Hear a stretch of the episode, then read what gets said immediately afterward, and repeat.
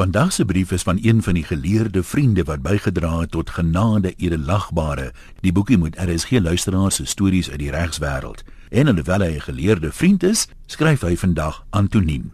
Dis nou ten eenemale net so. Elke professie het nou maar sy eie potjies Latyn of beter bekend as jargon.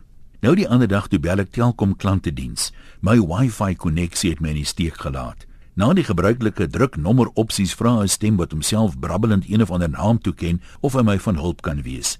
Ek beperk my by een kort sinnetjie. Geen Wi-Fi.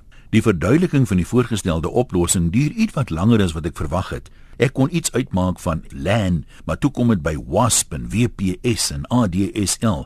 Toe besef ek, ruiterlik, dis nie vir my nie. Die regsberoep is natuurlik ook berug vir sy eie terminologie. So 'n wyle terug het elke Jan Rapp en sy maate eie mening uitgespreek gehad oor wat dolus eventualis nou eintlik beteken.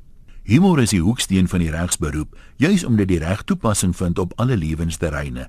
Een van die mees treffende voorbeelde is te vind in die uitspraak van 'n redelik bejaarde waarnemende appelregter toe hy korte mette gemaak het met die argument van die advokaat wat hy opgesom het met die een enkele opmerking: My legal nerves may be weak, but this argument comes as a shock to them. Pat Stipp het eers in sy middeljare die advokate beroep in Johannesburg betree. Hy was op sy manier die toonbeeld van waardigheid, reisige figuur, altyd kersregop, grys baard en 'n diep donker stem waarmee hy afgemete en oorwoe sy saak gestel het. Die oggend sit die Mosie Hof met regter Jaap de Villiers op die bank, 'n regter wat nooit die geleentheid om 'n situasie in humor te omskep laat verbygaan het nie. Die groot hofsaal sit vol gepak met advokate, almal statig plek ingeneem in die rye banke, gereed om hulle sake voor te dra. Streng ooreenkomstig tradisie sit die mees senior advokate in die voorste rye banke met agter hulle die juniors tot heel agter waar ek en Pat tuis gehoord het, want ons was toe nog maar groentjies. Toe Pat se beurt om sy saak voor te dra naderkom, staan hy op en maak hom staan in die paadjie langs die agterste banke. Dan is dit sy beurt. In keurig versorgde eerbied kondig Pat aan: U edele, met u verlof verwys ek u na 'n saaknommer. Dis toe daar waar die regter tussen beide kom. Meneer Stip, ek kan u nie hoor nie. Pat laat hom nie van stryk bring nie. Met wapperende toegepunte neem hy so drie reuse tree na vore, maak hom daar staan en begin weer, die keer in 'n hoorbaar hoër oktaaf. U edele, met u verlof verwys ek u na 'n saaknommer, maar die regter val hom weer eens kras in die rede. Meneer Stip, ek kan u nie hoor nie. Pat gee nie moed op nie. Met volgehoue waardigheid tree hy verder na vore totdat hy byna onder die regter se neus staan. Manhaftig hef hy aan: "U edele, met u verlof verwys ek u na 'n saaknommer."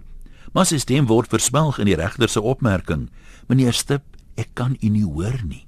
Dis toe nou dat een van die senior advokate wat in die voorste bank gesit het, oorleen en Pat se aandag trek met so 'n sydelingse plukkie aan sy togapunt en die voorvinger uitgestrek na Pat se onderbaadjie. Pat laat terstond sy kop sak en merk op dat een van die drie onderbaadjie knope los was en dan ook nog so oorramse flentertjie wit hemp wat daardeur wou beur. Nogal behendig word die knoop in die knoopsgat ingewikkel met die een hand, die pak dokumente krampagtig in die ander hand vasgeklou. Die knoop is daar waar dit hoort en Pat kyk op na die regter. Hy skep nog asem om met sy retoriek te begin toe die regter hom gerus stel. Meneer Stip, nou kan ek u hoor. Nou hoe moet 'n groentjie advokaat ook nou weet net een los knoop kan 'n regter doof maak? Die regsberoep se potjies Latyn leer jy nie op universiteit nie. Groete van oor tot oor, Antoniem.